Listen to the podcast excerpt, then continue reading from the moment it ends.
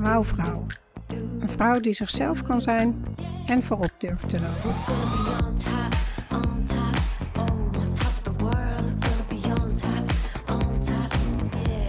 Welkom bij de podcast voor ambitieuze vrouwelijke leiders die dicht bij zichzelf willen blijven en leiden vanuit hun hart en intuïtie. Ik ben Hiltje Oude Luttekhuis en ik wil een wereld creëren waarin je vrouw zijn geen belemmering vormt om een leider te zijn. Als huisarts, CEO van een one-woman biz, mama van vier kids en imperfecte feminist houd ik openhartige interviews met vrouwelijke rolmodellen uit de artsenwereld, wetenschap, tech en entrepreneurship. Vrouwen die voorop durven te lopen. Ook inspireer ik je met female empowerment topics om je zelfvertrouwen te boosten, zodat jij ook voorop durft te gaan lopen. Luister mee. Laat je verwonderen en uitdagen om voorop te lopen. Dit is de Wouwvrouw podcast. Laten we een nieuwe revolutie beginnen.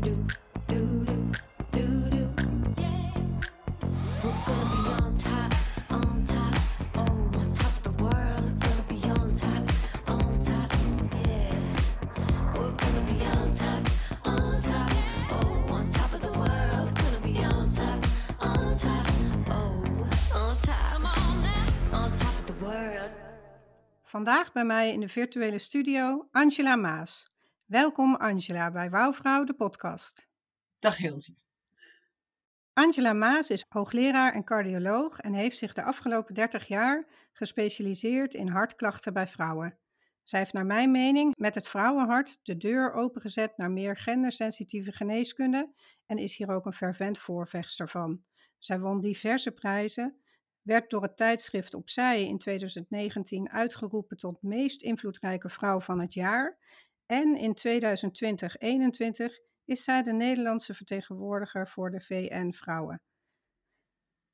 Laten we meteen met wauw beginnen. Na deze introductie lijkt mij duidelijk dat jij een wauwvrouw bent. En nu ben ik benieuwd, op welke momenten voel jij je helemaal wauw, Angela? Um, toch wel een beetje als ik in het element ben met mijn thema. Uh, dat er gewoon weer een stap voorwaarts gezet wordt in de breedte. Dus niet zozeer persoonlijk, maar dat je ziet um, dat er in de cardiologische zorg voor vrouwen, want dat is natuurlijk het hoofdthema, dat daar een belangrijke stap komt. En uh, ja, om toch iets heel moois te noemen, we hebben uh, twee weken geleden, half mei, een grote Lancet paper van meer dan 50 pagina's uh, gepubliceerd. En die is uitsluitend geschreven door een groep van vrouwelijke cardiologen uh, wereldwijd. En uh, ja, daar hebben we met elkaar een paar jaar aan gewerkt. En dat is natuurlijk toch een fantastische prestatie. Het is een hele mooie paper. En dan denk ik, yes, die staat er gewoon. En dat is gewoon toch een, een, een, ja, een doorbraakpaper waar mensen veel aan kunnen hebben. Ja, fantastisch. Hè? En inderdaad, ja. zowel op het gebied van de cardiologie en het vrouwenhart. Hè? Ja. En ook, nou, als je dat dan zo zegt, met vrouwelijke ja. cardiologen. Ja. Want ja, ik las dat in de tijd dat jij ging specialiseren, dat het nog zo was dat er één keer in de vier jaar een vrouw werd toegelaten in de opleiding. Ja, dat was in de jaren 70, 80 was het zo. Ik ben uh, in uh, 85 begon ik met mijn opleiding cardiologie. Dat was toen nog drie jaar. Um, maar het was toen van ja, er mocht één vrouw in de opleiding. Dus we kenden elkaar ook. Hè. Degene boven mij is een goede vriendin. Die daarboven, Achie Balk, die ken ik natuurlijk ook goed. Gelukkig is dat wel uh, in de jaren negentig veranderd.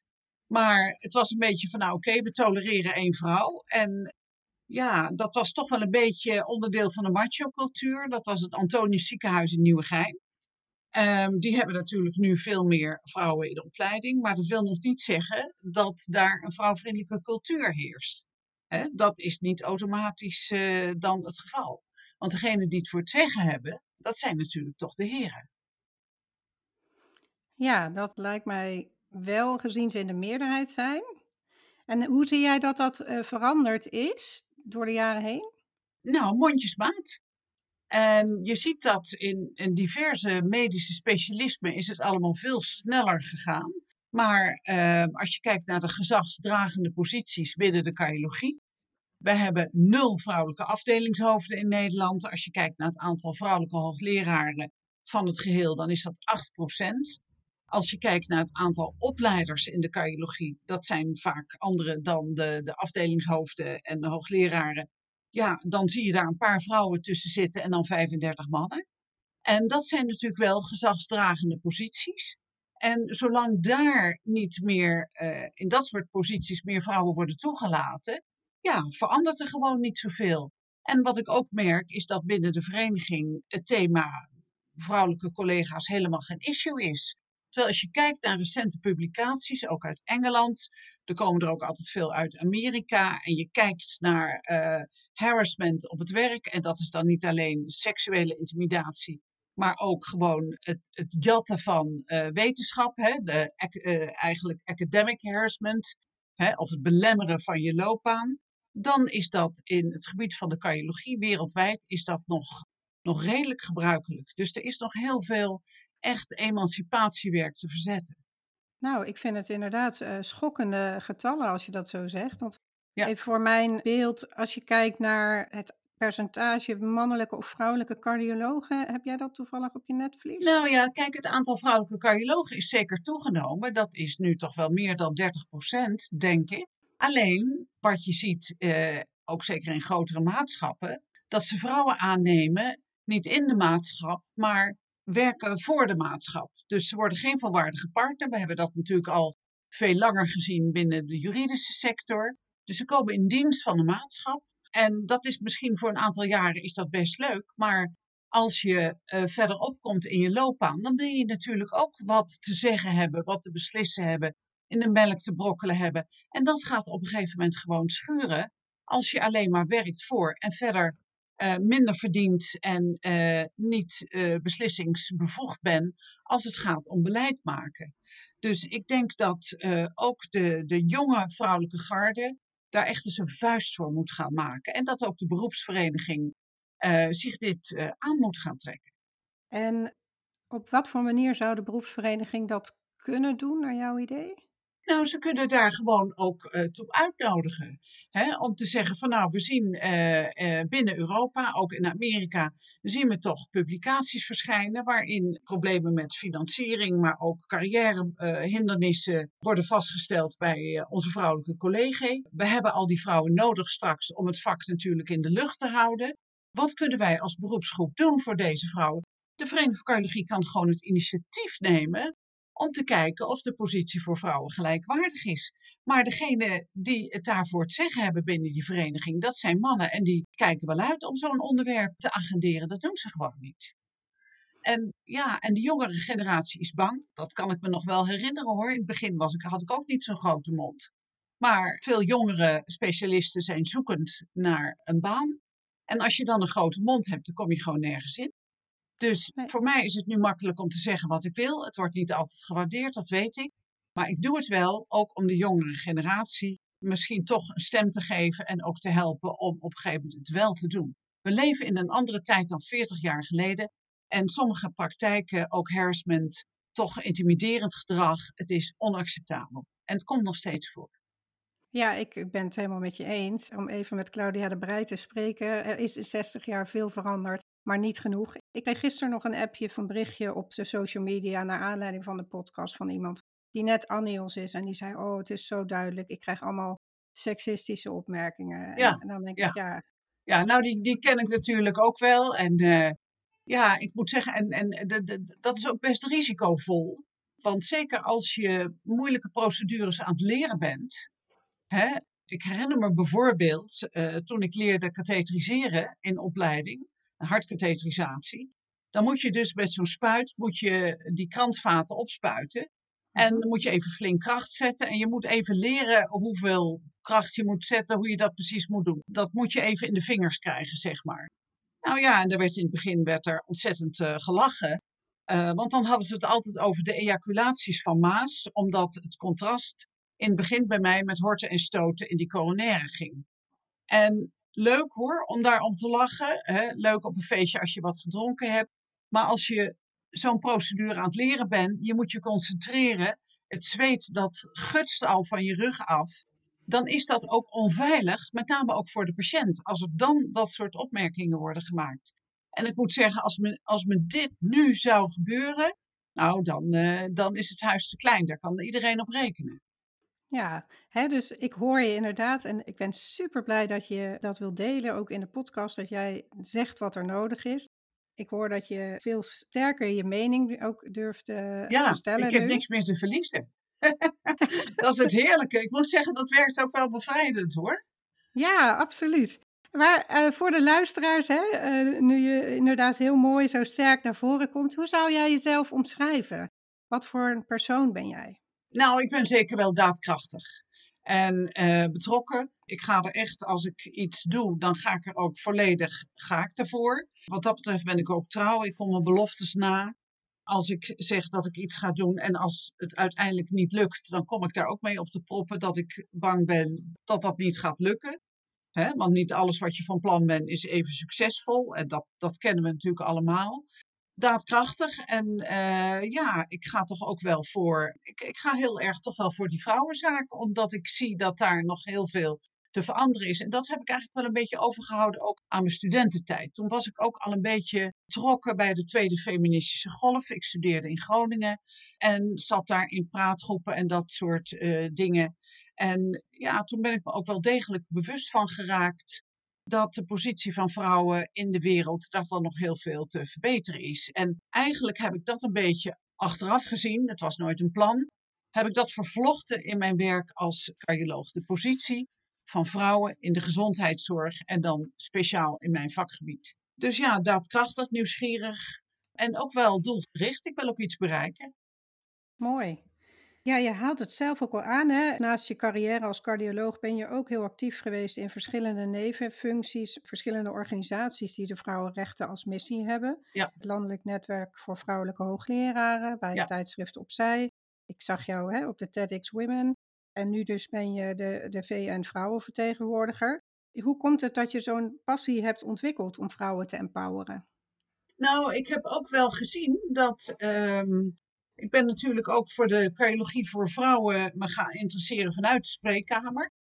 En al gaandeweg zie je natuurlijk ook dat ook goede zorg voor mensen, gezondheidszorg, heeft ook met maatschappelijke positie en ontwikkeling te maken. Dat reikt verder eigenlijk dan de spreekkamer. Want als je kijkt, hè, wij worden allemaal getraind om eh, te kijken naar de bloeddruk, het cholesterol en een paar van die dingen. Maar als je kijkt naar wat zijn nou echt hele zware risicofactoren, dan is dat bijvoorbeeld armoede, economische positie. De factor stress is wereldwijd een van de grootste risicofactoren voor hart- en vaatziekten. Voor mannen en vrouwen is stress heel verschillend. We gaan er ook anders mee om. Eh, er is nog heel veel misbruik, mishandeling van vrouwen. Hè? Achter de voordeur eh, vindt dat plaats. En dat hoor je natuurlijk terug in de spreekkamer en daar hebben we geen simpele pilletjes voor. Dus ik heb ook gezien al gaandeweg dat die maatschappelijke betrokkenheid ook belangrijk is, ook om een betere gezondheidszorg voor vrouwen te realiseren. En ook economisch, goede economische positie voor vrouwen, economische zelfstandigheid, zorgen dat je je eigen pensioen opbouwt. Dat zijn allemaal belangrijke dingen om gezond ouder te worden. En daar hebben wij als dokters ook, denk ik wel, ja, een rol in te vervullen. Dus die gaat buiten de spreekkamer. Dus vandaar dat ik ook dat soort dingen heb gedaan. Ja, prachtig. En zou je ook zeggen dat jouw hart daar sneller van gaat kloppen? Ja, want ehm, ik voel me daar ook thuis. En ik moet zeggen, het inspireert me altijd wel weer. Ik heb natuurlijk ook wel momenten gehad, ja, dat de kinderen nog thuis waren en dat het eh, donkere novemberdag was en het regende, dat het gierde en dat ik na mijn werk weer in de auto zat in een file naar Amsterdam, naar een bijeenkomst, waarbij ik dan dacht van jeetje, waarom doe ik dit eigenlijk? Maar het grappige is dan weer dat je dan een tijd later kom je weer ergens anders iemand tegen die zegt van ja, maar ik heb jou toch ook daar gezien. En toen zei je dat en dat. En weet je, ja, je investeert ook wel een beetje in de ontwikkeling van een landelijk netwerk. En ja, daarvan zie je als je daar toch jaar in jaar uit ook energie in stopt, dat, dat zich dat ook terugvertaalt in hele leuke vriendinnen, contacten, commissies waar je voor wordt gevraagd, waarin je ook weer betekenisvol kan zijn. Dus ik moet zeggen, ik heb er ook heel veel voor teruggegeven. Maar ja, dat, dat zijn wel vaak dingen die je extra doet. Ja, nou, voor mij is dit een heel mooi bruggetje om te gaan naar de vaste rubriek in deze podcast, namelijk waar gaat jouw hart sneller van kloppen? Daarin ga ik twee termen aan jou voorleggen en eigenlijk wil ik dan vrij snel gewoon een antwoord van jou. Welk van de twee jouw hart het snelste laat Ja, kloppen? ja. Chocola of wijn? Ja, wijn, goede wijn. Een boek of een podcast? Een boek. Hakken of sneakers? Hakken. Angela Merkel of Jacinda Ardern? Angela Merkel. Want die heeft al zo'n grote staat van dienst. En Jacinda vind ik ook fantastisch. Maar die Merkel, dat, die verdient een, ja, een hele grote wereldprijs en een standbeeld. Hier, hier, mee eens. Het is ook niet dat een van de twee beter is, hè? Ik vind het Nee, leuk om nee, weer te kijken. ja. Quota of natuurlijke groei? Eh, ja, quota. Want we schieten niet op. Dus eh, we moeten de, de zaak een beetje gaan pushen. Mhm. Hart of intuïtie? Ja, dat is toch ongeveer hetzelfde, of niet? Ja, dat kan. Ik was heel Eh, benieuwd naar jouw antwoord. Of jij het hetzelfde vond. Hè? Is je hart volgen hetzelfde als naar je intuïtie luisteren? een beetje. Ik, ik, ik zie het verschil niet zo. Ehm, maar ik, dan zou ik kiezen voor de ben- benaming van het hart. Want intuïtie, dat klinkt mij iets te zweverig weer. Ja. En ja, ik ben niet van het zweven. Aha. Ja, ik ben meer van de duidelijkheid. Ja. Maar je hart volgen, is dat iets waarvan je zegt, ja, dat doe ik wel? Ja, maar je moet je hart wel met verstand volgen. Mhm. Dus eh, om alleen maar achter je emoties aan te lopen, dat is niet altijd even verstandig. Prima om je hart te volgen, maar denk er wel een beetje bij na. Ik vind dat er wel een voorwaarde aan is. Mhm. Inderdaad, ja. Je hebt het allebei nodig, het hart en het Ja, hoofd. ja, ja, ja, ja. ja.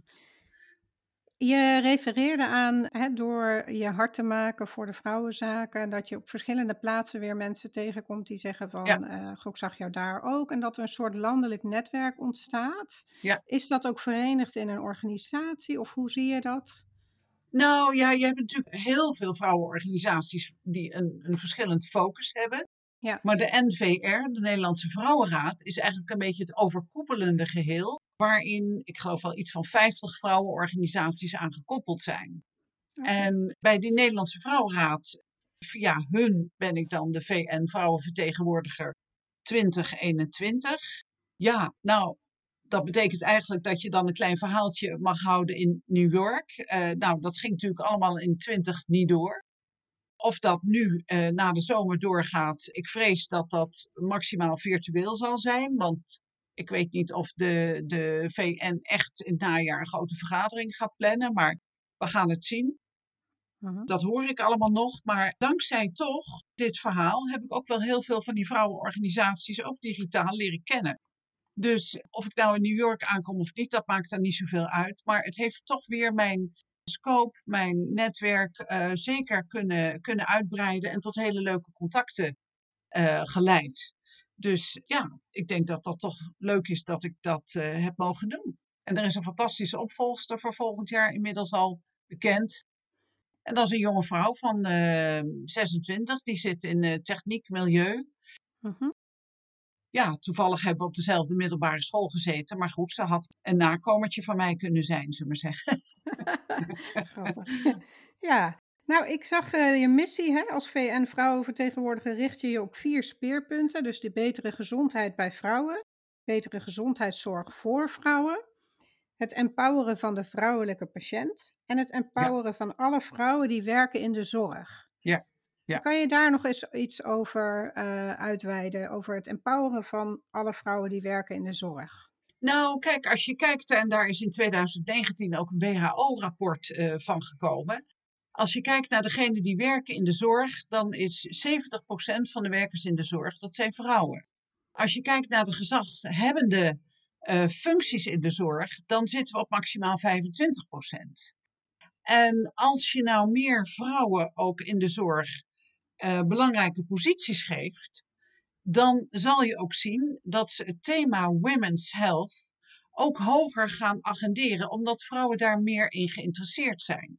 En dan zal je ook zien dat in de zorg het faciliteren van wat flexibeler werktijden, het combineren met een gezin, dat dat ook makkelijker en beter georganiseerd wordt, omdat dan ook meer vrouwen ja, in de sturende laag zitten.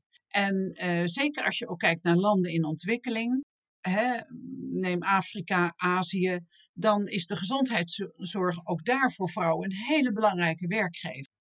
Maar zeker in dat soort landen, er zit gewoon nooit een vrouw uh, achter het stuur. En ik denk ook hè, uit dat oogpunt dat het voor heel veel uh, gebieden in de wereld heel belangrijk is dat meer vrouwen in de zorg gezagshebbende posities krijgen. Daar wordt de zorg organisatorisch beter van, maar ook inhoudelijk, ook omdat de zorg voor de vrouwelijke patiënt echt nog wel op achterstand ligt.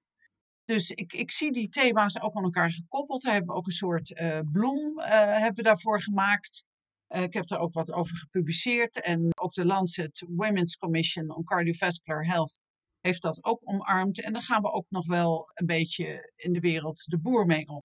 Ja, dus ik, ik vind dat een belangrijk thema. En dat hebben de vrouwenorganisaties ook de afgelopen twee jaar omarmd. Die zijn daar behoorlijk druk ook mee binnen hun eigen gelederen. Ja, ja. En je ziet wel dat in de raden van toezicht en dergelijke, dat daar zeker op gelet wordt. Ik zit zelf in een uh, raad van toezicht uh, van het Flevo ziekenhuis in Almere. We zijn met twee vrouwen, maar wel met vier mannen, dus het is een derde. Maar ook bij het kiezen van nieuwe bestuursleden, straks weer wisselingen binnen de raad van toezicht, is dat toch wel een belangrijk uh, thema. En ja, we benoemen dat ook. Het moet hardop gezegd worden, anders verandert er niks. Ja, en eigenlijk, als ik het dan zo hoor, zijn jullie uh, in die Raad van Toezicht een van de max 50% die binnen die 50% die voldoet aan het quotum wat eigenlijk ja. is gesteld. Ja. Hè, en ehm, ik vond het zelf wel lastig dat dat sommige plaatsen werd gebracht als joepie, kijk eens even, bijna de helft van de ziekenhuizen voldoet aan het quotum. Aan, aan, het einde, aan het einde van de termijn die gesteld was daarvoor. Hè? Ik zag ook dat jij zei van nou, eigenlijk is hè, je moet er meer eerder naar een quotum van 50%. Of... Ja, zeker. Juist als het, als het om de zorg gaat. Omdat dat een juist ook heel belangrijk uh, werkgever en, en thema is voor vrouwen. Uh, dus ik denk dat we ons nog niet te snel op de borst moeten kloppen dat er nog zeker veel te veranderen is en dat we het gewoon hardop moeten zeggen. Ja, absoluut. Je refereerde al een paar keer aan hè, dat jij zelf ook een gezin hebt en dat ook het combineren van werk en gezin voor vrouwen in de zorg die in de zorg werken lastig kan zijn. Ja. Hoe heb jij zelf eigenlijk dan gedeeld met die verschillende rollen die jij had? Nou ja, dat wordt natuurlijk makkelijker als de kinderen groot worden, maar met name tot en met de basisschool heb ik het eigenlijk uh, lastig gevonden. Ik heb het eigenlijk een hele ongemakkelijke spagaat gevonden om aan de ene kant ja, je goed te laten zien op je werk en aan de andere kant uh, ja, ook de rol van moeder te vervullen. Dus ik vond het een ongemakkelijke spagaat en ik herinner me goed dat toen ik uiteindelijk, toen de kinderen naar het voortgezet onderwijs uh, gingen, uh, dat er voor mij ook wel een zekere opluchting was, hè, want dan zijn ze natuurlijk toch al een beetje zelfstandiger. En dat ik echt kon zeggen van nu ga ik wat meer kiezen ook echt voor mijn werk. Dat ik mezelf een beetje uit die spagaat kon terugtrekken. Mijn oudste zoon is autistisch, die heeft op het speciaal onderwijs gezeten. De tweede niet. De oudste is 32, de andere is 30 nu. En op het gewone onderwijs, ja, daar hadden we nog een ouderwets systeem dat de moeders tussen de middag overbleven. En ik vond het altijd een drama als ik dan eens in de week een keer op het schoolplein was. Dat ik weer zo'n moeder uh, achter me aan had zitten die wilde dat ik tussen de middag ging overblijven. Want ja, dat kon ik gewoon niet combineren met mijn werk. Ik wilde er graag voor betalen. En op een gegeven moment hebben ze me gewoon ingeroosterd op een maandag in april. En toen zei ik van nou oké, dat doe ik dan wel. En toen wist ik al uit mijn hoofd dat het Pasen was. Dus uh, ik, heb, ik heb het nooit gedaan. Maar goed, een, een autistisch kind, is, dat levert natuurlijk best veel problemen op. Helaas is dat nog steeds zo, want autisme gaat niet over. Is in iedere levensfase anders. Maar goed, ik moet zeggen dat speciaal onderwijs in Nederland is natuurlijk fantastisch. Dus eigenlijk ja, was dat in ieder geval, zolang er geen schoolvakantie was, was dat best goed te regelen. En we hebben twee lieve oppasmoeders, hebben we 16 jaar lang in huis gehad. En die hebben gewoon zelf betaald. Maar goed, ja, die waren het ten volle waard. En als je goed inkomen hebt, dan kan je ook behoorlijk wat uitgeven aan goede zorg voor je kinderen. En daarom is het ook belangrijk dat vrouwen een goede positie hebben in de zorg, want dan kan je dat je permitteren. Had jij ook steun van je partner daarin? Ja, uh, mijn, mijn uh, echtgenoot is zelf ook cardioloog geweest. Hij is wat ouder, dus hij is al een tijdje met pensioen. En ja, die heeft me altijd in alles gesteund. Ook helpen in het huishouden, boodschappen doen, koken, dat doet hij nog steeds trouwens. En ook met dingen, congressen, als er, als er wat gedaan moest worden, dat hij zei van, ga jij maar, ik regel het hier thuis. Dus ja, die heeft mijn carrière buitengewoon gefaciliteerd. Ja. Super mooi dat je dat samen ja. zo hebt kunnen doen. Ja. Waar lopen vrouwen die meer in een gezaghebbende positie terecht willen komen, waar lopen die tegenaan en op welk moment, denk jij? Uh, ja, ik, ik, denk dat het natuurlijk een beetje wisselend is. Wat natuurlijk toch wel vaak zo is, dat op een gegeven moment misschien mannen die ook bezig zijn om wat verder te komen, dat die dan dat vervelend gaan vinden als een vrouw wel die positie krijgt en zij niet. En dan gaat het toch een beetje aan je, dan, dan aan je getrokken worden. Dus ik denk juist dat mid-career, dat dat een, een lastige fase is. Dat heb ik zelf ook wel zo ervaren. Uh, dan ben je echt bezig. Hè? Dingen beginnen een beetje te lopen. Je hebt af en toe een succesje. Soms heb je gewoon helemaal geen succes, maar aan de succesjes hou je dan vast. Dus dingen gaan uh, geleidelijk aan vooruit. Ja, en dan zijn er mensen hè, die het allemaal wel prima vonden zolang het allemaal mislukte. Maar als het dan af en toe wel lukt, waar je mee bezig bent, dan wordt het niet leuk meer. En dan gaan ze een beetje blokkades opwerpen. En dat heb ik zeker ook aan de lijve ondervinden. Dus mid-career is lastig. Je zit er helemaal middenin. Je zit thuis ook midden in je gezin. Je zit eigenlijk op alle niveaus uh, zit je vast. Je hebt misschien ouders die ouder worden waar je ook af en toe wat voor moet doen. En dat vind ik een moeilijke fase om dan toch ook sterk te blijven en te zeggen van ja, maar ik, ik wil nog een stapje verder. En ja, daar heb je dan misschien ook wel ondersteuning voor nodig. Ik heb meerdere malen in uh, mijn loopbaan heb ik echt een coach in de arm genomen om mijzelf te spiegelen, uh, om frustratie van me af te gooien, want die bouw je hoe dan ook op. En je moet altijd oppassen dat je door die frustratie ja, niet te bijterig wordt, niet te katterig. De, dus dat je dat, die ballast ook van je af kan gooien. Mm Dat is belangrijk ook. Dat helpt je gewoon verder ook om de volgende stap te zetten. Ja. Dus dat kan ik iedereen aanraden hoor, om af en toe echt dat te doen. Want dat heb je nodig, het, het helpt je. Ja, en je raadt dan specifiek aan om dat met een coach te doen vanwege de vaardigheden. Ja, tenminste, dat is mij goed, uh, goed bevallen. Ik heb natuurlijk altijd eh, vriendinnen gehad, ook als uitlaatklep om, uh, om lekker tegenaan te mopperen. De, die, daar zijn ze heel goed voor. Ja. En omgekeerd krijg je natuurlijk ook een hoop gemopper uh, wat zij weer meemaken over je heen. Maar daar, daar, daar ben je vriendinnen voor. Maar een, een wat meer onafhankelijk iemand die je ook advies geeft. Hè? Van ja, maar zou je dan niet dit of dat moeten doen? Wat vind je er zelf van? Echt iemand met wie je kan, goed kan reflecteren. En dan ook iemand buiten je vak. Dus zoek het dan ook buiten het ziekenhuis, buiten je vakgebied. Want er zijn allerlei trainingen voor dokters, zie ik wel. Dat kan misschien aardig zijn. Maar ik heb juist heel vaak ook de spiegeling gezocht buiten het medische vakgebied. Gewoon meer in de maatschappij. En dat is eigenlijk toch wel goed. Probeer ook, hè, als je een loopbaan hebt als dokter, ook af en toe dat soort dingen te doen in de maatschappij met mensen die met andere vakgebieden bezig zijn. Want dan zie je dat het daar ook wel eens knelt. Het is niet alleen de medische wereld. Nee, dat herken ik wel heel erg wat je zegt. Ik ben zelf ook altijd wel uh, echt uh, extern gericht, hè, buiten mijn uh, ja. vakgebied en buiten ja. de dokterspad. Dat is ook zeker mijn intentie met deze podcast, om niet alleen vrouwelijke medische leiders nee. Hè, nee. Te, te interviewen, omdat ik denk dat we in essentie tegen vergelijkbare dingen Ja. aanlopen. En dat misschien juist door die verhalen en verbindingen vanuit andere vakgebieden of maatschappijdelen, dat je net weer die andere spiegeling, die andere blik krijgt en Ja. tot een ander inzicht komt. Ja. Ja. zeker. En dat, dat was bijvoorbeeld leuk. Eh, Ik heb, ik heb een aantal jaren in de Alliantie Gender en Gezondheid gezeten, onder leiding van Women Inc. En daar zaten natuurlijk medici in, maar er zaten ook niet-medici in. Daar was echt ook wel een reflectie met eh, andere uitgangspunten en vakgebieden in de maatschappij. Nou ja, binnen het landelijk netwerk vrouwelijke hoogleraren zit je sowieso. eh, was ik de enige dokter en verder allemaal andere vakgebieden vanuit verschillende universiteiten. Dus je kan ook in diverse besturen en zo, en dat, dat kan je echt al doen, ook als de kinderen klein zijn. Hè? Kan je dat soort dingen gaan doen. Ik zat vroeger zat ik ook bij, eh, eh, bij de VVAO, Vereniging voor Vrouwen met Academische Opleiding. Daar heb ik nog wel wat contacten mee. Dat je van die avonden hebt waarin je andere eh, vrouwen ontmoet die ook met hun loopbaan bezig zijn. Dus ik denk, al heb je het nog zo druk met je werk en met je gezin, probeer ook aan jezelf te werken ja, in de maatschappelijke context. Want ook die vorming, die helpt je ook om carrière stappen te maken. Als je dat deel van jezelf ook al gaandeweg blijft meevormen. En daar moet je goed alert op zijn. Dat helpt je enorm.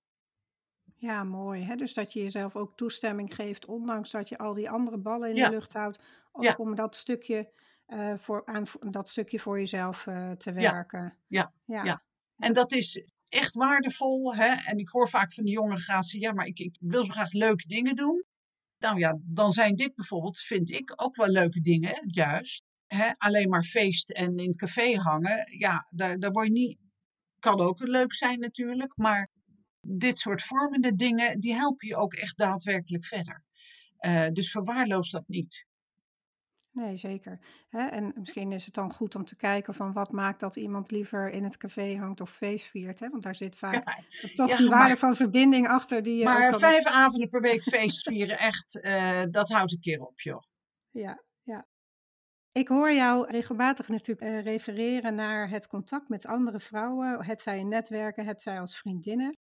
Is, is jouw ervaring door de jaren heen, hè, want er is af en toe zijn er negatieve geluiden van queen bee gedrag of dat vrouwen juist elkaar onderuit halen. En ik kan me daar ook wel iets bij voorstellen dat dat van vroeger uit meer zo was dan nu. Maar wat is jouw kijk daarop? Nou, ik vind inderdaad dat dat nu veel minder is dan inderdaad misschien wel voor 2000 of zo. Daarvoor, hè, toen eigenlijk vrouwen na de tweede feministische golf ook daadwerkelijk wat geleidelijk aan wat meer carrière ging maken, dat dat Queen Bee verhaal ook best regelmatig voorkwam. Eh, maar nu zie je ook eigenlijk duidelijk dat vrouwen dat ook niet meer accepteren. Die Queen Bees, eh, die worden ook door de jongere generatie niet gewaardeerd. Dus dat lukt je niet meer om Queen Bee te zijn. Want je wordt gewoon door de jongere generatie vrouwen word je onderuit gehaald. Dus dat is eigenlijk toch wel iets wat je minder ziet en wat natuurlijk onacceptabel is. Maar goed, ja, er zijn zeker wel vrouwen die zeggen van nou ja, ik, eh, ik heb er hard voor moeten werken, dus dat moeten zij dan ook maar doen. Die gewoon totaal niet solidair zijn. En sommige vrouwen komen er ook wel erg laat achter. Eh, ik moet zeggen, een voorbeeld daarvan, eh, ik vind wel een fantastische vrouw, is Nelly Kroes. Maar die moest echt wel goed in de zeventig zijn voordat ze erachter kwam dat ze andere vrouwen moest gaan helpen. En ik heb wel eens gedacht, waarom heb je dat niet twintig jaar eerder gedaan? Hè? Maar Ja. dat had ze best kunnen doen. Ja. Ja, ja, toch? zeker. Ja, Ja. Ja. Nou, ik denk dat daar zeker nu ook wel eh, een kracht in ligt. Hè? Als ik dat dan hoor eh, over de White House, waar ze op een gegeven moment de afspraak hadden van als een vrouw tijdens een congres of iets een goed statement maakte, dat iemand anders dat oppikte en ook ging zeggen, hè, met het stukje van dat vrouwen vaker onderbroken worden hè, met, eh, Ja. in public speaking. En, Ja. en dat zie ik echt wel ook als een uiting dat we elkaar juist moeten proberen te helpen en te ondersteunen om in die posities terecht te komen. Zeker, zeker. En je merkt ook dat dat, eh, weet je, dat, dat je, moet ook leren gunnen, hè? de gunfactor ook voor anderen. En al gaandeweg merk je ook dat, dat je daar helemaal nooit slechter van wordt, integendeel. Ehm hè? Dat, dat wordt ook zeer gewaardeerd en eh, ja, uiteindelijk komt er altijd wel weer iets aardigs ook een keer weer op jouw pad. Dus eh, wees daar vooral ook niet bang voor. En je kan ook een goed voorbeeld geven aan mannen die nog af en toe bezig zijn om elkaar eh, de tent uit te vechten. Om eh, posities. Dus je kan ook gewoon het goede voorbeeld laten zien. En dat wordt echt wel opgepikt. Ja, ja, zeker heel mooi. Ik zit zelf, nou, ik zal niet zeggen in een traditionele gezinsverhouding. dat is zeker niet de bedoeling. Hoewel dat vorig jaar tijdens corona dus wel even zo uitpakte. Maar mijn Ja. man werkt eh, bij de orthopedie. Dus die heeft Ja. nog relatief weinig spiegeling aan vrouwen. En het is heel mooi, vind ik, om te zien hoe hij in dit, in dit verhaal, waarin ik dus hè, mijn hart maak voor de, de Ja.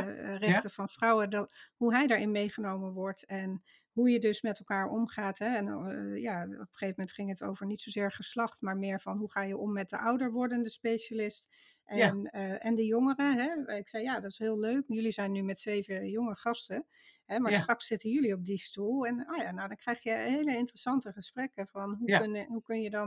Het is meer in het kader van de diversiteit natuurlijk. Van hoe krijgt Ja. iedereen zijn rol en zijn eh, Ja. functie. Nou ja, het, het- de samenstelling van maatschappen, dat is natuurlijk eigenlijk een heel belangrijk iets.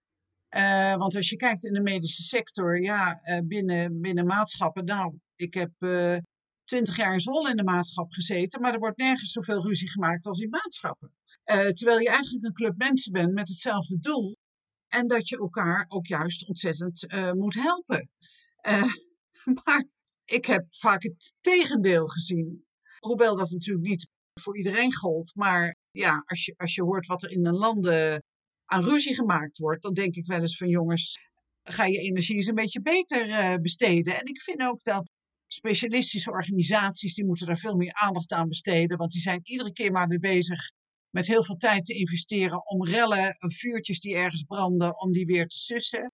En dat is natuurlijk eigenlijk weinig constructief. Ze kunnen beter aan preventie gaan doen van dit soort eh, rampscenario's.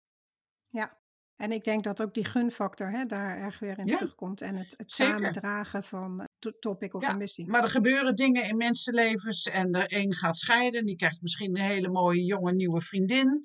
En eh, de, dan komt er ineens een sportwagen of een groter huis. Nou, weet je, daar kan iedereen allemaal weer eh, eh, ellende over veroorzaken. Dat heb ik gewoon letterlijk zien gebeuren. En dan Mm. denk ik van nou, hoe belangrijk is dat? Ja, ja. Heel, Ja. heel oordelend, hè? veroordelend. Ja. Ja, ik voelde hem daar straks ook al in ons verhaal vanuit het gevoel van schaarste, alsof er niet genoeg zou zijn. Dat geldt natuurlijk ook eh, deels met het, het gevecht tussen vrouwen onderling. Dat je bang bent dat die ander jouw plekje krijgt. Of, Ja, en er wordt ook altijd wel een beetje naar elkaar gekeken. Wie werkt harder? Hè? Dus er wordt Ja. altijd gekeken van. eh, iedereen denkt altijd dat hij het hardste werkt. En ik herinner me wel een eh, affaire dat op een gegeven moment, dat is alweer lang geleden gebeurd, maar een cardioloog of een, een, een ernstig zieke echtgenote had. Die had borstkanker en de kinderen waren iets van acht en negen jaar of zo. En er moest voor die vrouw gezorgd worden in de periode ook voordat ze kwam te overlijden. Dus die cardioloog die kon een tijdje zijn werk niet zo goed doen. En uiteindelijk was vrouw overleden en begraven. En toen was er een maat. En die stuurde gewoon een rekening van eh 30, 40.000 eh, euro. wauw. Eh, Weet je, en ik denk als je zo met elkaar omgaat, dan heb je eigenlijk zo'n kwaadaardige inborst. Eigenlijk zou dat de reden zijn om iemand direct stand te peden de maatschappij uit te flikkeren. Dit, maar dit soort dingen, ja, zijn allemaal gebeurd. En, en eh, ja, dat, dat vind ik echt heel kwaadaardig.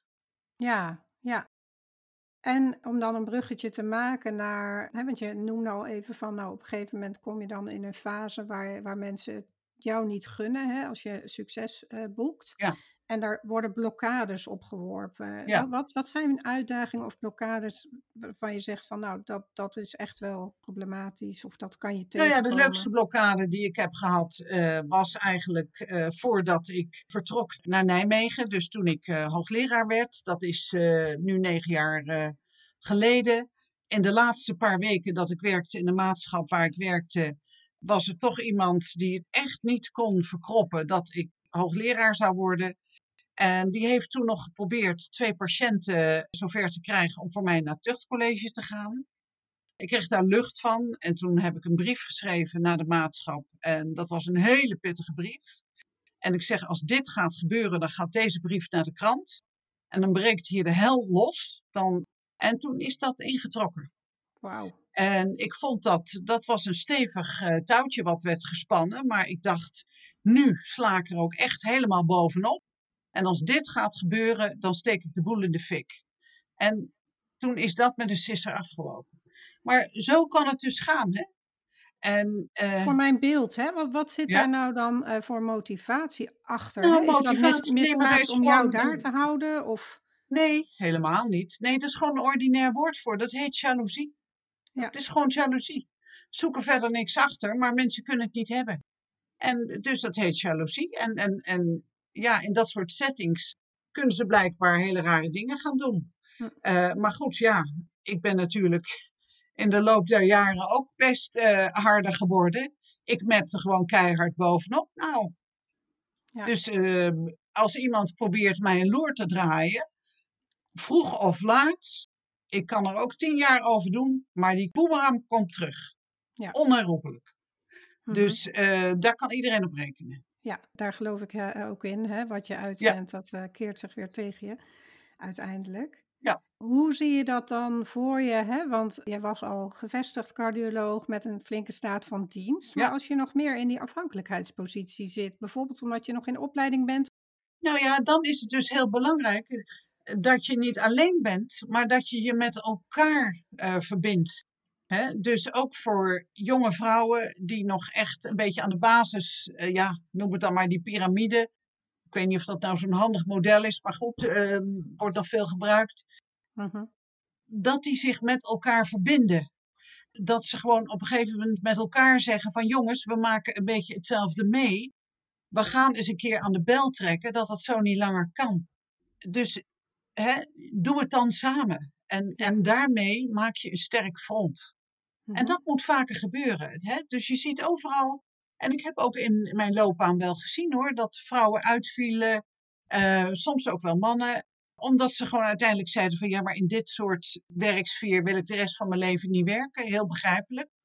Maar verbind je met elkaar en dan, dan krijg je macht en dan kan je er ook concreet iets mee. En ik merk wel dat de jongere generatie die accepteert toch wel minder dan wat wij over ons heen gekregen hebben. Dus dat vind ik eigenlijk wel prima. Ja, ik merk wel wat meer assertiviteit en, en dat, dat vind ik ook heel goed. Ja, ja, ik moet denken aan een voorbeeld uh, van mezelf. Uh, misschien een, een, een, klein moment waarop ik een keer ad rem was. Hè, maar dat, uh, de, ik was toen, denk co-assistent. En dat de artsassistent tegen mij zei van... ja, toen ik in opleiding was, moest ik leren hoe ik de status moest kopiëren. Waarop ik zei, nou, dat was ik liever plan. Ja. Stom dat je dat geleerd hebt, zeg maar. Dus ja, ja. Waarbij ik eigenlijk aangaf, ja, dat ga ik dus niet doen. Ja, maar goed, het zit hem ook in, in uh, andere dingen inderdaad. Van ja, wat je je laat zeggen. En, uh, ja. Ja. ja. Nou ja, je hoeft niet de hele dag continu op je strepen te staan. Nee. Uh, want dan ben je ook een beetje een irritant uh, figuur. Maar er zijn natuurlijk wel dingen die systematisch steeds weer gebeuren. Een bepaald soort gedrag, toch wel een beetje intimiderend gedrag, machtsmisbruik, ja, waarvan je op een gegeven moment kan zeggen, nou, dat gebeurt overal. We gaan ons toch een beetje verenigen en we accepteren het niet. Dus ja, wat mij betreft ook aan de jongere generatie, pak je kansen, verbind je met elkaar en sla af en toe eens samen met de vuist op tafel. Want dan kan je ook effect krijgen. Ja, mooi. Ja. ja. He, daar zijn ook al uh, verschillende initiatieven de laatste jaren. Hè? De jonge ja, dokter, zeker. Uh, ja. de jonge ja. specialist zijn daar natuurlijk ook van uh, de vruchten van. Ja. Je had het al even over wetenschappelijke harassment. Kan je daar uh, wat, wat uh, voorbeelden over geven, zodat mensen dat misschien ook herkennen? Omdat ik me kan voorstellen, ja. als je in zo'n positie zit, dat je ook misschien niet weet wat normaal is. Je bent afhankelijk van promotoren of collega's. Ja, nou ja, dat gebeurt natuurlijk best veel. We hebben, toen ik in het bestuur zat van het Landelijk Netwerk Vrouwelijke Hoogleraren, hebben we daar ook een project van gemaakt. We hebben een hoogleraar de opdracht gegeven om eens te gaan inventariseren door middel van interviews. Ik geloof dat er een stuk of veertig uh, vrouwelijke hoogleraar in de landen zijn geïnterviewd vanuit verschillende vakgebieden. Om te vragen naar wat voor hindernissen en of ze hindernissen hebben ervaren in hun loopbaan om volgende carrière stappen te nemen. En dat kunnen, zijn ook, dat kunnen bijvoorbeeld zijn het verkrijgen van grants.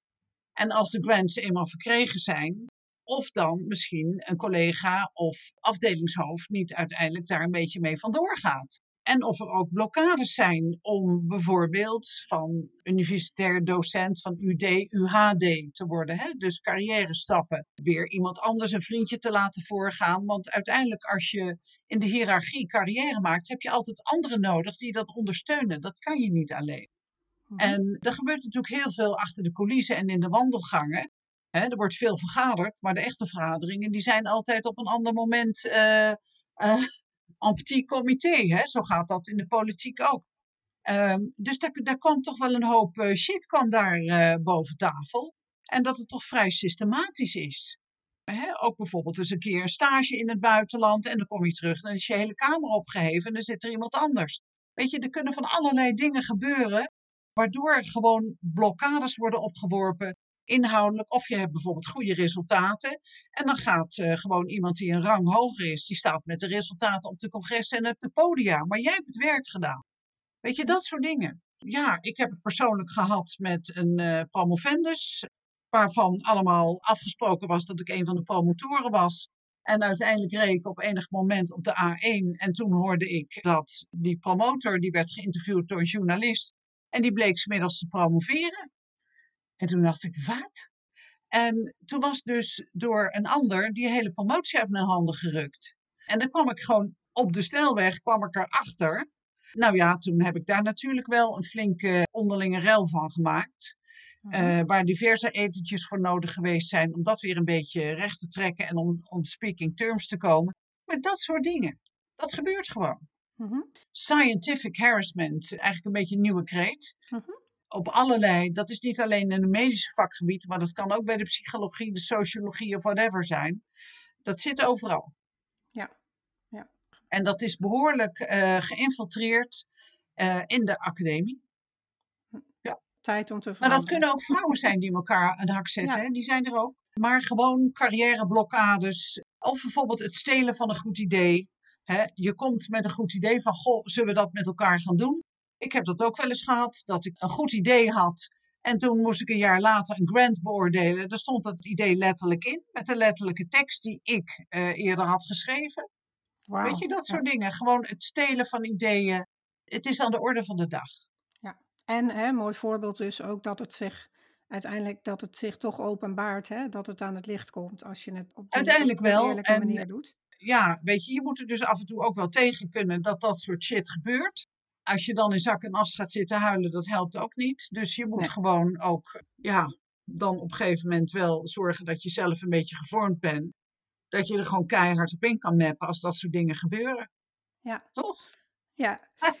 Ik moet een beetje lachen, want dan denk ik, eh, ik wou je eigenlijk vragen, wat is het beste advies dat je ooit hebt gekregen? Ik weet niet of dat is om erop in te mappen, maar Nee, nee, natuurlijk. Want ik heb natuurlijk ook heel veel ondiplomatieke dingen gedaan. Eh, dus eh, ik heb niet allemaal geweldige dingen gedaan, maar ik heb ook veel stomme dingen gedaan. Maar ja, dat, dat zijn wel de dingen waar je veel van leert. Mhm, Dus ik ben tegenwoordig wat minder ondiplomatiek. mhm. Ehm, maar eh, ja, het, bijvoorbeeld is mensen even goed de waarheid zeggen. Dat is niet altijd op ieder moment even slim om te doen. Eh, soms moet je dat ook in een andere eh, tekst verpakken. Nou, dat zijn misschien dingen die kan je van anderen leren die dat beter kunnen. Maar ik denk dat de essentie toch wel is dat je al gaandeweg leer van je fouten, leer ook van je goede dingen, leer ook van anderen, de goede dingen die anderen doen, maar ook de slechte dingen die anderen doen, dat je dat niet gaat doen. Ik denk dat nieuwsgierigheid, integriteit, daadkracht, dat dat toch belangrijke voorwaarden zijn en doorzettingsvermogen om verder te komen. En realiseer je gewoon dat je loopbaan, dat is geen succespad. Dat is mijn loopbaan ook niet. En ik heb wel eens een jonge vrouw eh, gehad, die moest geloof ik de kooschappen nog doen. Die was iets van, eh van 2,23 en die wilde met mij in gesprek.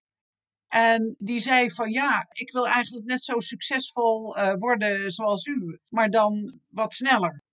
En ik moest er eigenlijk wel vreselijk om lachen, want dat is eigenlijk alsof je de trap op wil en je wil gewoon een paar gigantische treden overslaan. En de enige manier om jezelf te vormen is dat je toch wel al die treden neemt, waarbij je af en toe een stukje terugglijdt of misschien even eraf eh, dondert en dan weer verder klimt. Dus het kan niet zo zijn dat je in één keer tien stappen tegelijk neemt, want dan, dan vallen er gaten waar je uiteindelijk zelf een keer indondert. Je moet toch ook je stappen zetten en je hoeft ook niemand na te doen, maar je kan wel van mensen de dingen pakken waarvan je zegt van dat spreekt me aan, daar leer ik wat van. Dus als je het hebt over rolmodellen, ik heb niet één rolmodel. Ik heb een heleboel rolmodellen en daar zitten ook mannen tussen. Maar dat zijn mensen die dingen gedaan hebben waarvan ik zeg van jeetje, dat was een goede actie. En wat zou ik daar in mijn setting van kunnen leren? Dus er is heel veel uh, wat je van anderen kan leren. En mensen kunnen rolmodel zijn zonder dat ze weten dat ze dat zijn. Precies, ja. Komt er een specifiek iemand bij jou naar boven in het kader van leiderschap? Als iemand die jij een inspirerend uh, leider vindt? Ja, dat is toch wel een vriendin van mij in Amerika. Zij is director of het, uh, is cardioloog, director van het Barbara Streisand Women Heart Center. En ik ken haar al enige decennia en zij heeft onverstoorbaar dat onderzoek bij vrouwen gedaan, baanbrekend werk gedaan. En ja, als ik zie hoe standvastig zij is, ook in haar beslissingen. Um, ik weet dat er ook aan haar poten regelmatig wordt gezaagd. Maar iedere keer weet zij op een hele strategische manier mensen dan ook weer een stukje mee te nemen. En toch weer uh, haar ding te doen. Ja, dat is een groot voorbeeld uh, voor mij. Dat weet ze ook dat ze dat is. Ja, ja want ja, je zei al, jullie zijn ook vriendinnen. Zeker. Ja, ja. Wat is volgens jou de definitie van een goede leider? Een goede leider is in staat om met name anderen te laten groeien. Een goede leider is niet bezig om zelf steeds beter te worden, maar vooral om anderen zo optimaal mogelijk in hun rol te kunnen laten floreren. En dat betekent dus dat als je echt een leider bent en er zijn meerdere mensen waar je dan de leiding over hebt, dat je ook heel goed moet kunnen schakelen tussen verschillende soorten mensen die er zijn. Want niet iedereen is dezelfde type. ik ben best een, een, een doordouwer, maar het is niet iedereen. En dus je moet heel goed oog hebben voor verschillende soorten mensen. En dat ook goed in zijn of haar waarde kunnen laten. Mooi. En wat denk je dat er nodig is, of wat moet er gebeuren om meer vrouwelijke leiders in die top van de medische wereld te krijgen? Ja, ik denk, ik denk dat de top van de medische wereld daar gewoon echt op aangesproken moet worden. Dus dat we nu niet moeten gaan wachten tot de jongere generatie eens een keer wat minder stress ervaart of zo. Nee, ik denk gewoon dat uh, beroepsgroepen, dat ook de Federatie Medische Specialisten, de KNMG, die moeten gewoon ook eens actief met het thema aan de gang gaan. En die moeten gewoon ook beroepsgroepen, dat kan ook de huisartsenclub zijn, eh, maar ook eh, medische specialisten, er keihard op aanspreken van hoe is dat bij jullie? Laat eens getallen zien, laat eens cijfers zien de sfeer die in een bepaalde beroepsgroep is, die straalt ook af op goede patiëntenzorg. En als er haat en nijd is tussen specialisten binnen een bepaalde groep, dan is dat schadelijk voor goede patiëntenzorg. Dus ik vind ook dat uit dat oogpunt van veiligheid voor de patiënt, dat het een belangrijk thema moet zijn en dat dat niet iedere keer onder de tafel of achter het behang geschoven moet worden. Ja, en zie jij dat nog verschillend met betrekking tot bestuurlijke functies of hoogleraarschap? Uh, ook daar moet uh, daadwerkelijk goed oog zijn voor het belang van vrouwelijk leiderschap, waarin toch vaak andere elementen wat meer naar voren komen dan bij mannelijk leiderschap, wat alleen maar gaat over geld, macht, uh, publiceren. Er zijn natuurlijk ook hele aardige mannen, laat ik dat even vooropstellen, mm -hmm, die ja. ook de mens achter degene, achter de dokter heel goed zien. Dus er zijn fantastische mannelijke voorbeelden. Maar hè, als je het hebt over puur mannelijk georiënteerd en vrouwelijk georiënteerd leiderschap, dan is dat heel complementair. En zou het gefaciliteerd moeten worden om die combinatie heel goed samen te laten groeien. En dat gebeurt gewoon nog te weinig. Er is, ja. er is nog te weinig oog voor. Wat zijn de elementen van het vrouwelijk leiderschap waar je dan op doelt? Nou, vrouwen zijn veel beter in het met elkaar verbinden. Hè? Mhm. Mannen gaan gewoon richting doel op en vrouwen willen meer met elkaar naar dat doel gaan. En ik denk dat juist die verbindende rol, ook het oog voor empathie, voor ja, de menselijke maat, dat dat misschien bij vrouwen iets meer in de inborst gebakken zit. Maar dat geldt niet voor alle vrouwen en omgekeerd. Hè? Dus je hebt ook mannen met hele goede feminine eigenschappen hè? Ja. en vrouwen met masculine eigenschappen. Ja, zeker. Hè? Maar zoals het nu georiënteerd is, mogen die mannen met die feminine eigenschappen dat ook minder laten zien. Hè? Ja, want die vinden we watjes, maar die, die, de, de, dat zijn natuurlijk hele fijne mensen op de werkvloer. Ja, zeker. Wat kunnen we als vrouwen nou zelf dan daaraan doen? Om meer in die leiderschapsrol te komen? Nou ja, nogmaals, eh, de verbinding met elkaar zoeken. Hè? Dus niet accepteren dat van bovenaf bestaande culturen ja, worden voortgezet van generatie op generatie. Ik denk dat het belangrijk is dat de jongere generatie alert is, zich verbindt en ook het contact zoekt uh, met uh, wat gaan jullie voor ons doen. En ik merk wel dat ze dat ook wel een beetje doen, hè? De, de, de jongere generatie. Die wil, uh, ik word ook af en toe uitgenodigd, en anderen natuurlijk ook, van God, wil jij eens vertellen, hè, wat kan je ons nou leren? Maar dan zeg ik ook altijd, jullie moeten natuurlijk ook op jullie manier doen, maar accepteer niet meer bepaalde dingen die wij misschien hebben geaccepteerd en verbind je met elkaar. Vorm een machtsblok. Ja, mooi. Ja. Uh, ja, uh, de verrassingsvraag. Hè. In het begin vroeg ik natuurlijk van hoe zou je jezelf als persoon omschrijven? Uh, in welk dier zie je jouw eigenschappen verzameld? Of wie is jouw ja. spirit animal? Ja, het gekke is dat ik en dat, een, een fase in mijn leven heb gehad dat ik bij ieder mens altijd zat te kijken dat ze ook op een dier leken.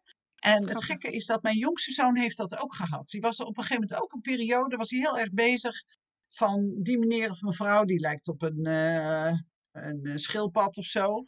Ja, ik, ik denk het meeste eigenlijk aan een giraf. Um, die heeft een lange nek en die, die steekt, durft zijn hoofd boven het maaiveld uit te steken. Uh, die is ook heel nieuwsgierig. um, ik weet niet of dat nou altijd aardige beesten zijn. Niet altijd, geloof ik. Giraffen kunnen behoorlijk uh, tekeer gaan. Dus dat kan ik ook wel. Maar ze zijn niet destructief volgens mij. Ja, ik ken alleen giraffen van de dierentuin. Ik ben nooit uh, in zo'n park in Afrika geweest. Dus uh, misschien zit ik er wel helemaal naast. Maar ik, ik voel wel een verwantschap met de giraf. Mooi, mooie typering. ja. en uh, hoe, hoe ziet jouw leven er over vijf jaar uit? Nou, dan ben ik met pensioen. Ik word over een paar maanden 65. Dus over een jaar ga ik met pensioen. Uh, maar ik ga dan stoppen met patiëntenzorg. Ik ga weg uit een afdeling. Ik wil weg uit een vaste structuur. Maar ik denk dat ik me nog met heel veel hart en ziel ga inzetten. En daar ben ik ook al mee bezig. Voor de zorg. En met name voor women's health. Op allerlei manieren. Ik zit in Europese groepen. Ik zit in heel veel uh, commissies. Uh, talentcommissies ook. Dus ik ga met name wat meer overkoepelend werk doen in mijn eigen tijd. En daar hoop ik nog jaren betekenisvol te kunnen zijn. Maar ik ga in ieder geval weg uit de patiëntenzorg. Dan heb ik 40 jaar spreekuur gedaan. En ik vind echt de jongere generatie zoekt werk, uh, heeft recht op werk. Dan ga ik ze verder niet in de weg zitten. Dankbaar. En ik weet zeker dat jij ook jouw kennis aan ons overdraagt. Nalaat in allerlei publicaties en boeken enzovoort die je hebt geschreven. Ja. En wie weet biedt het ruimte om een giraf op te zoeken in een Afrikaans park? Ja, ja. Daar, als ik daarover nadenk, zou dat best een keer leuk zijn, ja. ja. ja. Wat vraag ik niet dat mensen aan de andere kant zeker zouden moeten horen? Um, ja, natuurlijk best veel dingen. Hè? Van, van uh, wat zijn de grootste tegenslagen geweest? Waar heb je spijt van bijvoorbeeld? Uh, dat zijn dingen die je niet vraagt, maar dat is natuurlijk best een rijtje. Want er zijn natuurlijk best dingen waar ik spijt van heb. Waar ik geen spijt van heb, is dat ik toch wel heel vaak, als er een kans was, dat ik hem gewoon gepakt heb. Je kan niet altijd overzien wat het betekent hè, als je ergens ja tegen zegt. Mannen zeggen vaak ja voordat ze er überhaupt over nagedacht hebben. Vrouwen zeggen altijd: ik ga er eerst thuis over praten en over nadenken. En als ze dan een week later schoorvoetend ja zeggen, dan hoeft het niet meer, want dan is het alweer ingevuld. Uh, dus daar moet je vooruit kijken. Dus wees niet te aarzelend. Uh-huh. Maar ik heb misschien ook wel eens, um, ja, um, ik herinner me bijvoorbeeld hè, met mijn promotietraject. Ik had eerst een promotor in Groningen. En ja, die, die steunde mij maar weinig, een man. En toen werkte ik al fulltime in Zwolle. En toen ik op een gegeven moment voor de derde keer zijn kant op ging en de secretaresse bij Assen belde dat hij eigenlijk toch iets anders uh, ging doen dan met mij praten. Toen ben ik weer omgekeerd. Ik had mijn hele spreekuur uh, verzet. En toen dacht ik, oké, dan zijn wij nu klaar. Nu ga ik een andere promotor zoeken. Dus na een jaar uh, gezeik met dit soort dingen, hè, dat je gewoon wordt afgebeld, Toen ben ik naar Utrecht gegaan, heb ik twee vrouwelijke begeleiders gezocht. En daar ben ik uiteindelijk gepromoveerd. Dus ik heb ook gedacht van nou jongens, als het zo gaat, flikker dan maar op, dan ga ik het anders doen. En ik Mhm. heb uiteindelijk de man uit Groningen als opponent gevraagd bij mijn promotie. En dat was reuze gezellig. Mooi, grappig. Ja. Wat zijn tegenslagen dan waar je hè, eh, de jonge generatie voor zou willen behoeden? Waarvan je zegt van nou dat, of, of, of iets waar je over wilt delen? Ja, nou, binnen zo'n maatschap gebeurt van alles. Heb ik eh, een crash gehad met een collega. En dat is behoorlijk hoog opgelopen. En dan zie je eigenlijk, ik was de enige vrouw in de maatschap, dat het voor mannen heel moeilijk is om toe te geven dat die man eigenlijk niet in de maatschap paste, dat het een foute keuze was. Ik riep dat hardop, maar dat is voor mannen wat moeilijk om toe te geven. En het heeft uiteindelijk nog acht jaar geduurd voordat hij de maatschap uitging. Hm. En dat heeft mij veel stress opgeleverd, omdat ik toch een beetje de klokkenluider was. Die zei van ja, maar hij dysfunctioneert. En ik had natuurlijk gelijk, eh, maar het duurde acht jaar voordat ik het kreeg. En dat is best lang. En dus met het klokkenluider zijn moet je uitkijken. Daar wil ik je voor waarschuwen. Ja, Maar dat is bekend, dat is bekend. Je moet uitkijken als klokkenluider. Want je krijgt eerst alle wind tegen. En dat moet je zien te overleven. Mhm. En is er een manier waarop je dan daar behoedzamer mee om kan gaan? Hè, want de neiging is natuurlijk om dan niet te klokkenluiden. Nou maar- ja, ik, ik, ik ben op enig moment ontploft en dat was niet handig. Eh, want dan is, dan is er een emmer overgelopen, dan is iets geëscaleerd en dan moet men er wat mee. En ik had beter de route van de diplomatie kunnen bewandelen, anderen erbij betrekken. Ik had het anders moeten aanpakken. Zo'n ontploffing helpt niet. En eh, kijk, gelijk hebben is niet zo moeilijk, maar gelijk krijgen is veel lastiger. Ja, Ja, dat is een zware les. En acht jaar gezeik is best lang hoor. nou dat geloof ik zeker. Kan ik je ja. verzekeren. ja. En zijn er nog andere tegenslagen waarvan je zegt van nou, daar heb ik eh, wat van geleerd? Ja, nou ja, ik ben altijd wel een gezond mens geweest, maar op enig moment heb ik mijn schouder gebroken.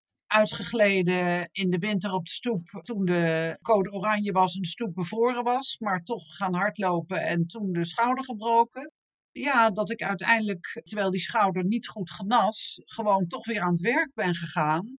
Terwijl ik die hele arm niet meer kon gebruiken en s'nachts gewoon dienst gedaan heb, pericardpuncties gedaan heb, terwijl ik maar één arm had om mee te werken en te autorijden enzovoort. En uiteindelijk pas een half jaar later, na een tweede operatie, was die schouder in orde. Dat je jezelf eigenlijk forceert omdat je niet tot last wil zijn, terwijl je een serieus probleem hebt. Ja, feitelijk zit je jezelf dan, ja, ik wil niet zeggen te verkrachten, dat klinkt zo raar, maar Ehm, dat moet je niet doen. Je doet jezelf tekort, want je hebt gewoon een probleem en dat is heel lullig voor anderen. Maar dat probleem moet wel eerst opgelost worden voordat je goed weer kan functioneren. Je kan er ook zelf niks aan doen. Nee. En daarmee heb ik mezelf gewoon tekort gedaan. Want daarna ga je ook realiseren van jeetje, wat heb ik een vreselijk half jaar gehad met die pijn en, en die onmacht. Terwijl ik gewoon niemand tot last wilde zijn, maar je, uiteindelijk was ik mezelf tot last. Ja, Hè? Dus doe jezelf niet tekort gewoon. Soms, soms is er een probleem wat opgelost moet worden. ja zeker. Hè, en ik hoor je eigenlijk dan ook zeggen van nou, dus deed ik de dienst met maar één arm. Hè? Ja. Eh, En, en dat, daar raak je eigenlijk zelfs aan jouw waarde van. Hè? De Maar het, is ook nog gevaarlijk, want, want Ja. een pericardpunctie, ja, je hebt toch midden in de nacht, je hebt je hersens erbij nodig en je moet niet afgeleid worden door pijn. En bovendien heb je, is twee handen en dan wel makkelijk, ja. Ja, zeker. Ja. Nou, echt. Ja. eh, ja, ik vind dat Dus je. je moet niet stoerder zijn dan je bent. Dat is het een beetje, hè? Ja, ja. Ja, en dat hoorde ik je eerder ook al zeggen eigenlijk, hè, tussen de regels door. Misschien dat ik er wat sensitief voor ben, hè, maar dat je eh, ook je kwetsbaarheid mag tonen. En dat is Ja. natuurlijk iets dat wij niet Ja. leren in onze medische En opleiding. dat heb ik misschien wel eens te weinig gedaan. Dat, dat, dat, terugkijkend heb ik dat zeker te weinig gedaan. Ja. Ik Ja. durfde dat niet. En zeg je nou achteraf dan van, hè, ehm, misschien was het ook onterecht dat ik dat niet durfde? Of is het ook Nou ja, ik wilde geen huilmuts zijn. Ik wilde geen huilmuts zijn, ik wilde gelijkwaardig zijn. En we waren allemaal een, een stel stoere knullen. Maar er gebeuren dingen in je leven waarbij je even ehm, niet stoer bent, even de controle kwijt bent. En dat kunnen ook kinderen zijn thuis, er kan iets gebeuren. Kan van alles gebeuren waardoor je even niet goed in je vel zit. En dat mag je eigenlijk best wel met je, met je werkmaat delen, want dan krijg je ook begrip. En, en als je daar langs gaat, het niet wil laten zien, en dat overkomt mannen natuurlijk ook, dan doe je jezelf tekort, maar je doet de groep eigenlijk ook tekort. Want we zijn allemaal mensen en we hebben allemaal in ons leven hebben we ook verdrietige dingen die we meemaken. Tegenslag, gezondheidsproblemen, het komt allemaal voor. Ook bij Ja, dokters. ja zeker. Hè? Anders Ja, waren we geen mensen. ja, Ik vind het een heel mooi eh, inzicht om mee te geven, inderdaad, hè, dat dat een onderdeel is van je persoonlijk leiderschap. Om je ook kwetsbaar te tonen op die ja, momenten dat je kwetsbaar bent. Hè? Want we, we zijn mensen en eh, we hebben de dingen die op ons pad komen in het leven niet altijd te kiezen. En Nee, we kunnen ze ook niet volledig beïnvloeden. Dus je neemt nee, dan juist je, je zeggenschap en je, je rekening over die ja, situatie door te staan voor hoe het werkelijk is. Hè? Dat ja, je iets niet kan of dat je hè, eh, helaas niet kan werken. ja, Ja, ja, ja.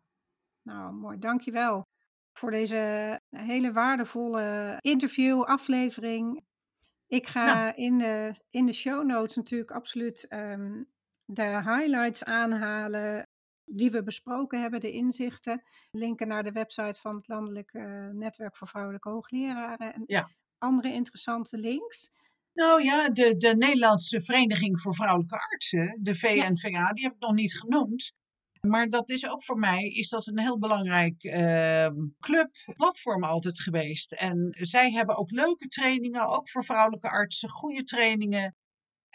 Waarbij je gewoon ook dingen die je allemaal tegenkomt met elkaar kan delen. En met name ook de jongere generatie kan ik dat van harte aanbevelen. Want hè, zeker in het begin, eh, het delen van je ervaringen is zo belangrijk. Dat je weet dat je niet de enige bent die dit meemaakt. En dat je gewoon ook met elkaar gaan kijken, hoe kunnen wij nou samen dit misschien eens gaan veranderen? Want alleen kan je niks veranderen. Dat is gewoon zo.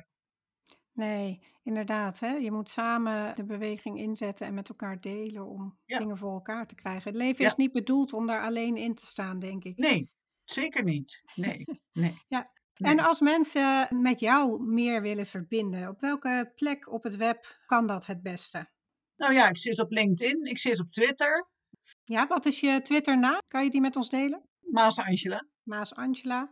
En Ja, op LinkedIn gewoon Angela Maas. Ja, Ik denk dat dit hele mooie platformen zijn om jou te vinden. ja. Je hebt ook nog een stichting zelf opgezet. Ja, eh, Hart voor Vrouwen op Valentijnsdag 2014. Dat is een, een onderzoeksfonds voor meer onderzoek hart- en vaatziekten bij vrouwen. Het is gekoppeld aan het Radboud UMC. Dus eh, als ik dood neerval, dan is het fonds er nog steeds. We hebben geen overheidskosten, dus we hebben een paar hele lieve secretaresses die ook van alles en nog wat organisatorisch daar erbij doen, ook in hun eigen tijd. Ja, ik hou veel lezingen daarvoor. Eh, de opbrengst van mijn boek gaat daarheen. We kunnen nu met de opbrengsten die we hebben, kunnen we ongeveer één promovendus op jaarbasis eh, salaris betalen. Dat is ja, en eh, we doen af en toe leuke dingen. We hebben nu bijvoorbeeld voor de komende drie jaar hebben we Nederland eh, een samenwerking mee. En dat zijn 70 clubs die, die allerlei activiteiten doen. En die staan op markten, die maken dingen, verkopen dingen. En dat stoppen ze dan in de pot. En wij garanderen dat daar gewoon echt nog meer onderzoek voor de vrouwelijke hartpatiënt eh, van gedaan wordt. En daar hebben we dan promovendi op zitten Hartstikke een mooi. commissie, een onafhankelijke commissie die de aanvragen beoordeelt. Dus het is allemaal heel transparant eh, wat we daar doen. We geven webinars, informatie, laten ook anderen daar spreken. En daar gaan we natuurlijk de komende jaren nog steeds mee door. Ah, super, dat valt niet onder het pensioen. Dat valt niet onder het pensioen. Nee. Mooi, fijn. Ik zet het in de, in de show notes. Ja, leuk. Ja, Heel ja, erg bedankt voor je tijd. ja, jij ook voor de leuke interview. Dank je. Let's start a revolution. Are you in?